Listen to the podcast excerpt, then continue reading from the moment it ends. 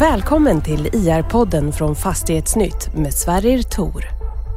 I detta avsnitt hör vi Benny Tögesen, VD för Catena, kommentera Q3 2020. Intervjun spelades in på Catenas huvudkontor i Helsingborg. Men först lite fakta och nyckeltal. Catena är ett fastighetsbolag som främst förvaltar logistikfastigheter på olika håll i Sverige och Danmark. Vinsten för tredje kvartalet 2020 hamnade på 481,6 miljoner kronor efter skatt, vilket motsvarar 12 kronor och 77 öre per aktie. Driftnettot blev 252,8 miljoner kronor och förvaltningsresultatet 184 miljoner kronor. Överskottsgraden hamnade på 80,3 procent. Bolaget äger fastigheter till marknadsvärde 19,7 miljarder kronor och har ett eget kapital på 6,9 miljarder. Soliditeten är 34,9 procent, räntetäckningsgraden 4 gånger räntekostnaderna och belåningsgraden är 56 procent. Långsiktigt substansvärde är 223,34 kronor per aktie. Catena är börsnoterat med en 70-procentig free float och bolagets VD fram till sista oktober 2020 är Benny Tögersen.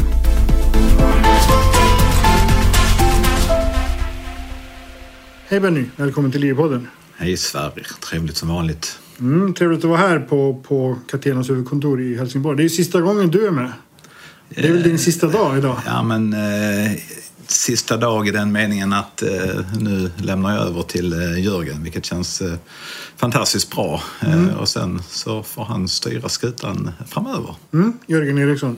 Ja, Och du kommer att vara tillgänglig i någon, i någon form av konsultbasis eller så? jag, jag kommer att vara tillgänglig fram till och med mars månad. Och, Mm. ja, Mm, vi ska prata mer om det sen, men igen, ett väldigt bra kvartal i en, i en utmanande tid. Man ska inte säga kanske för tuff. För, alltså näringslivet har ju faktiskt klarat sig förvånansvärt bra tycker jag. Men den är ju utmanande.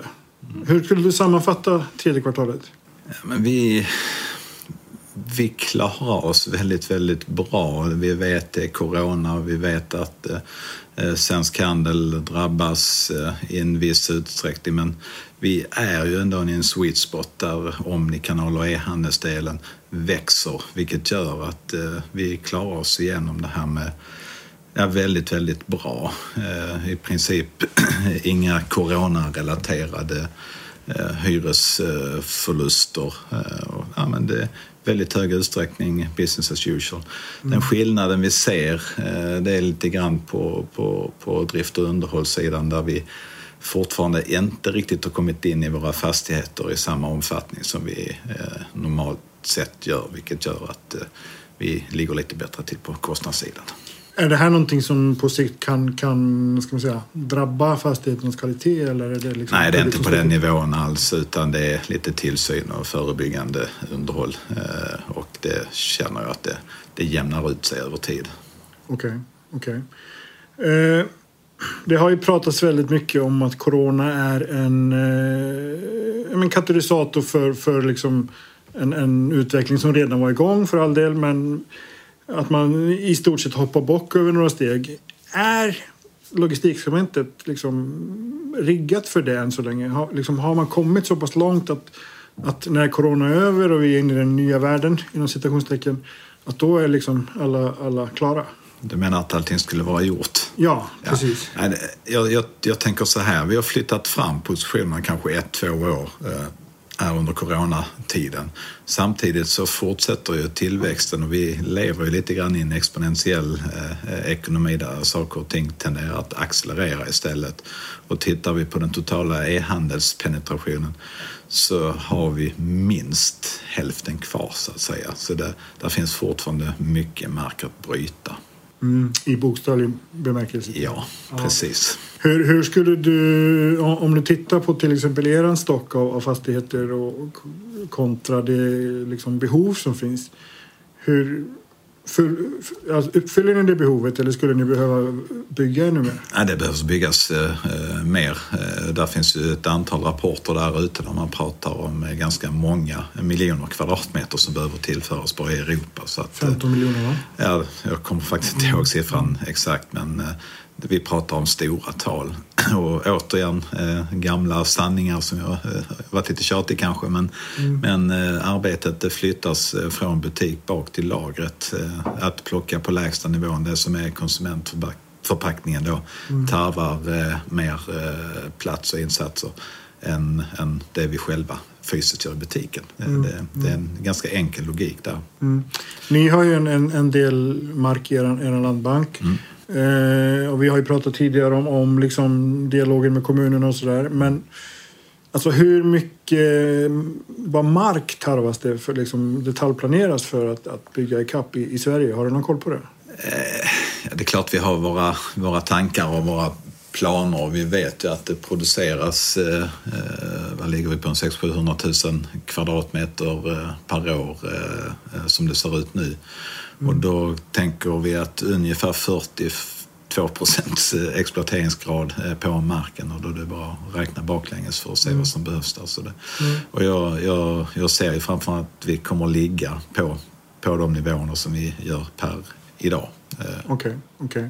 Och, och och då med, med, risk för, för att vi upprepar det som sagt i tidigare poddar. Hur, hur känns det med kommunerna? Är de på? Det är, det är jättestor skillnad beroende på var vi är någonstans och eh, vad ska man säga, vad vi, vad vi slåss med för andra typer av eh, eh vad ska säga, produktion som eh, krävs för att eh, samhällena ska växa.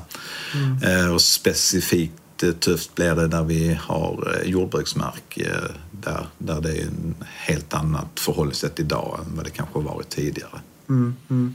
Här i Skåne där vi sitter är ju verkligen liksom, eh, har ju varit en logistikboom. Om vi pratar här utanför för Helsingborg eh, eh, kör man upp från, från Malmö via, via Landskrona. Det är ju nya hus typ varje dag. Ängelholm har ni ju själva satt på kartan. Eh, Sunnan och, och, och Malmö väldigt mycket är det här är ju porten till Sverige på ett sätt, här och i Göteborg. Det är olika typer av logistik som vi pratar om såklart. Mm. Eh, när man kommer inåt landet, Jönköping, Katrineholm, Nässjö, de är, det är också utpräglade logistikkommuner. Eh, är det någon typ av hus som saknas om man säger så här?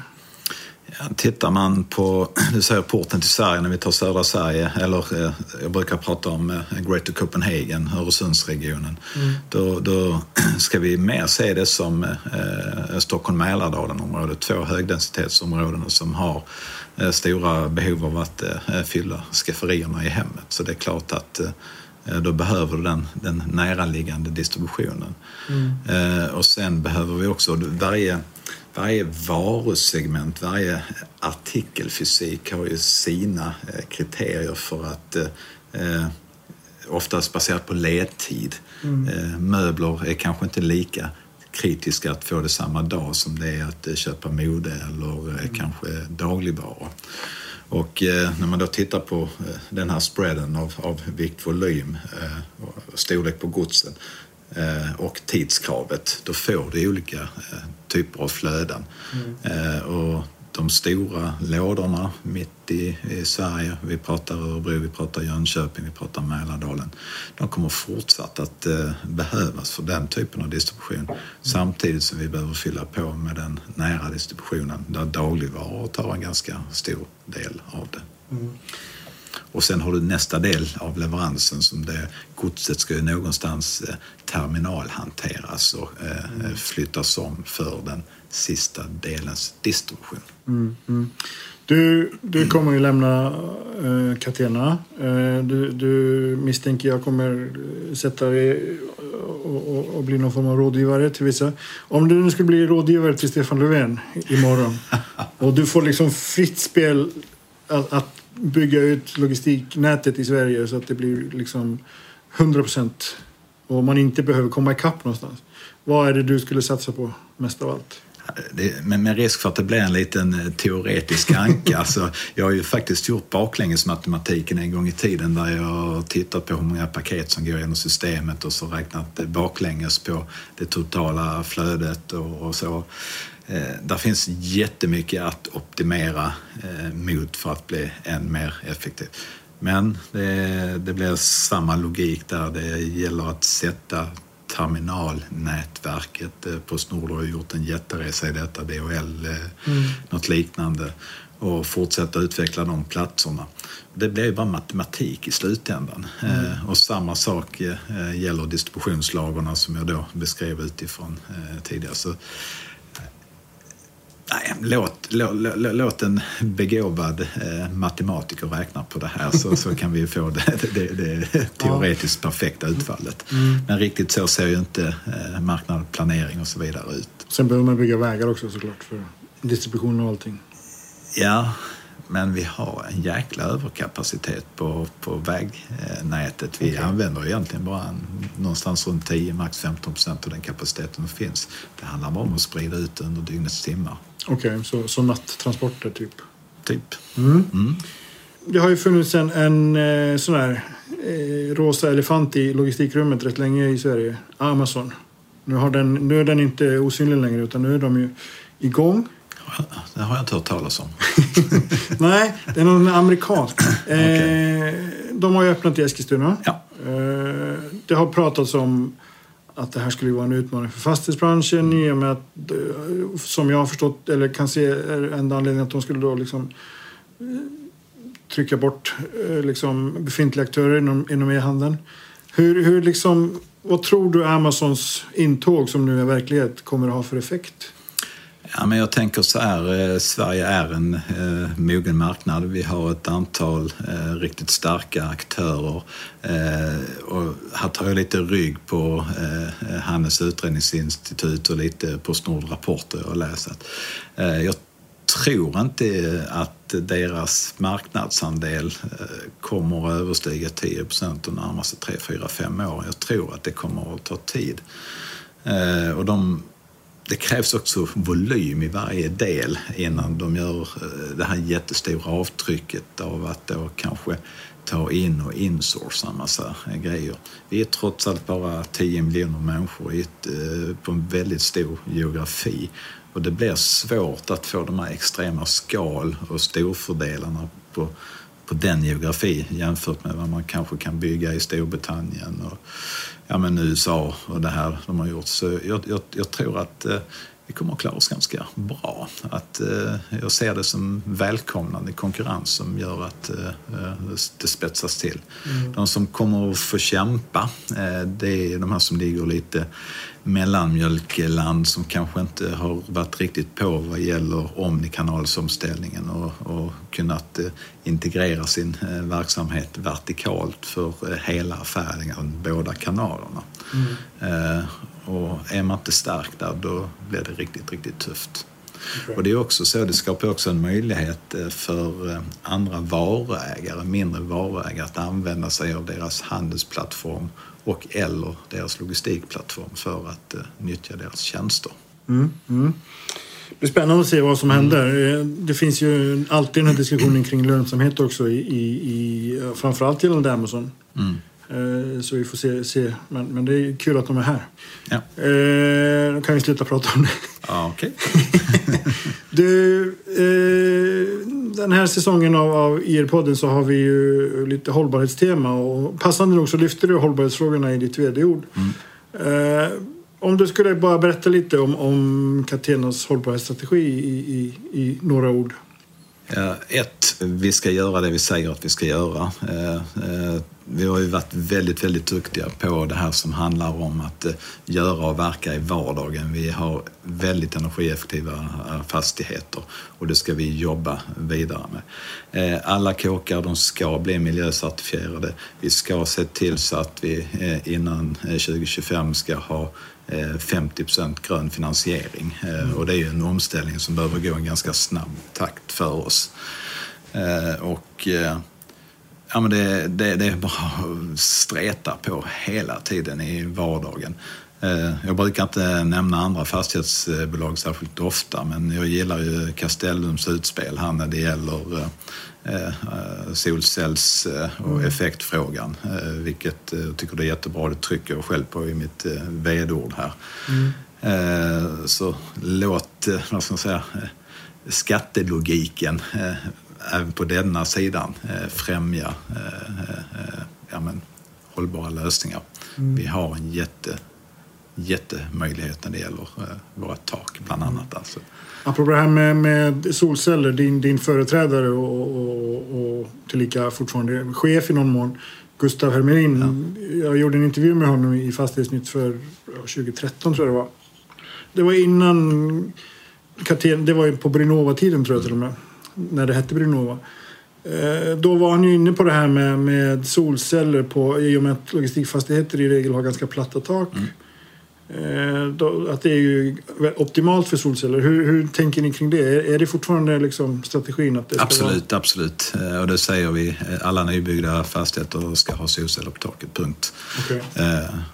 Om detta av någon anledning inte ger mening. Vi kommer väldigt, väldigt långt norrut, men mm, mm. i princip ja. Eh, och de flesta, visst är det så att i, i de flesta av era, era avtal är ju net-avtal där ni, ni vidare, vidare fakturerar ja. E, energikostnader överhuvudtaget.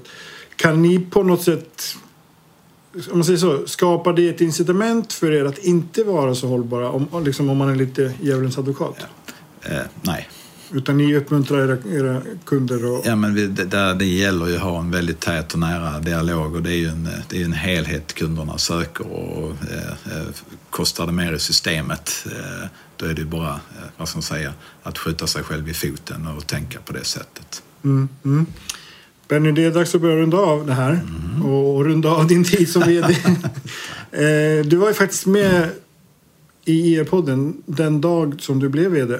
Var det så? Ja, eh, efter stämman, eh, stämman 2017. Stämmer. Då kom du in och, fick säga hej om inte annat. Ja. Eh, det var ju du och Gustav tillsammans. Har jag för mig. Var du på Beppo då eller?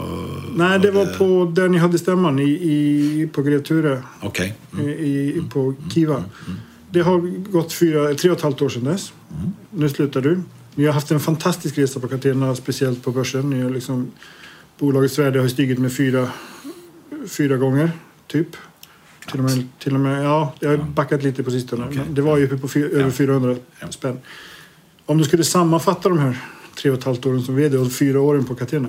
Får jag göra det utan att få en tår i ögat? Nej, det, vi, ja, vi, nej, gillar, vi nej, gillar sentimentalitet. Nej, det, det, har ju varit en fantastisk resa eh, jag har fått vara med och eh, ta del av.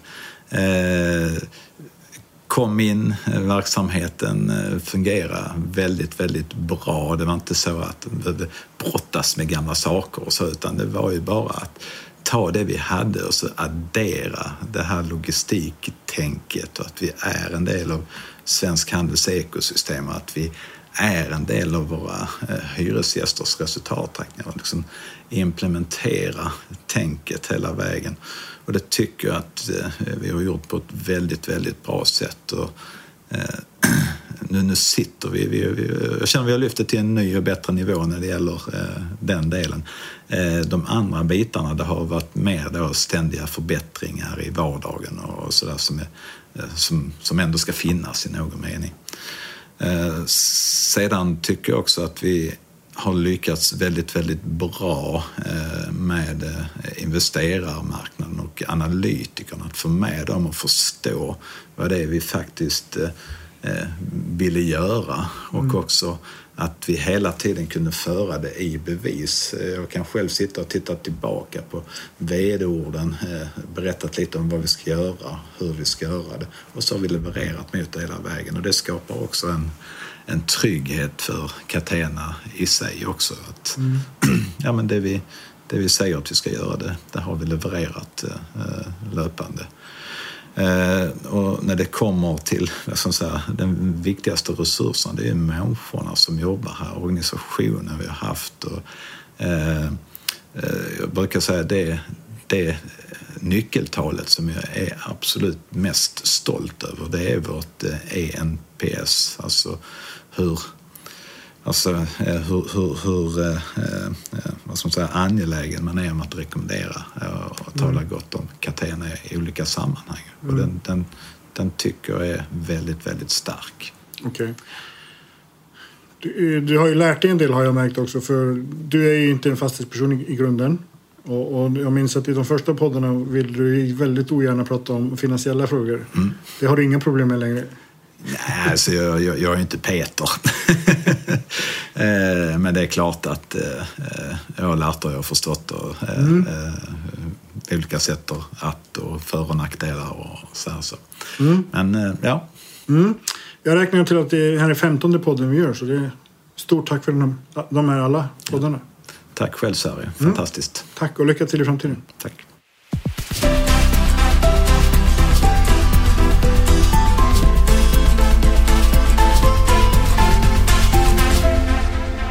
Det här programmet görs på Beppo. Beppo. Beppo. Beppo.se.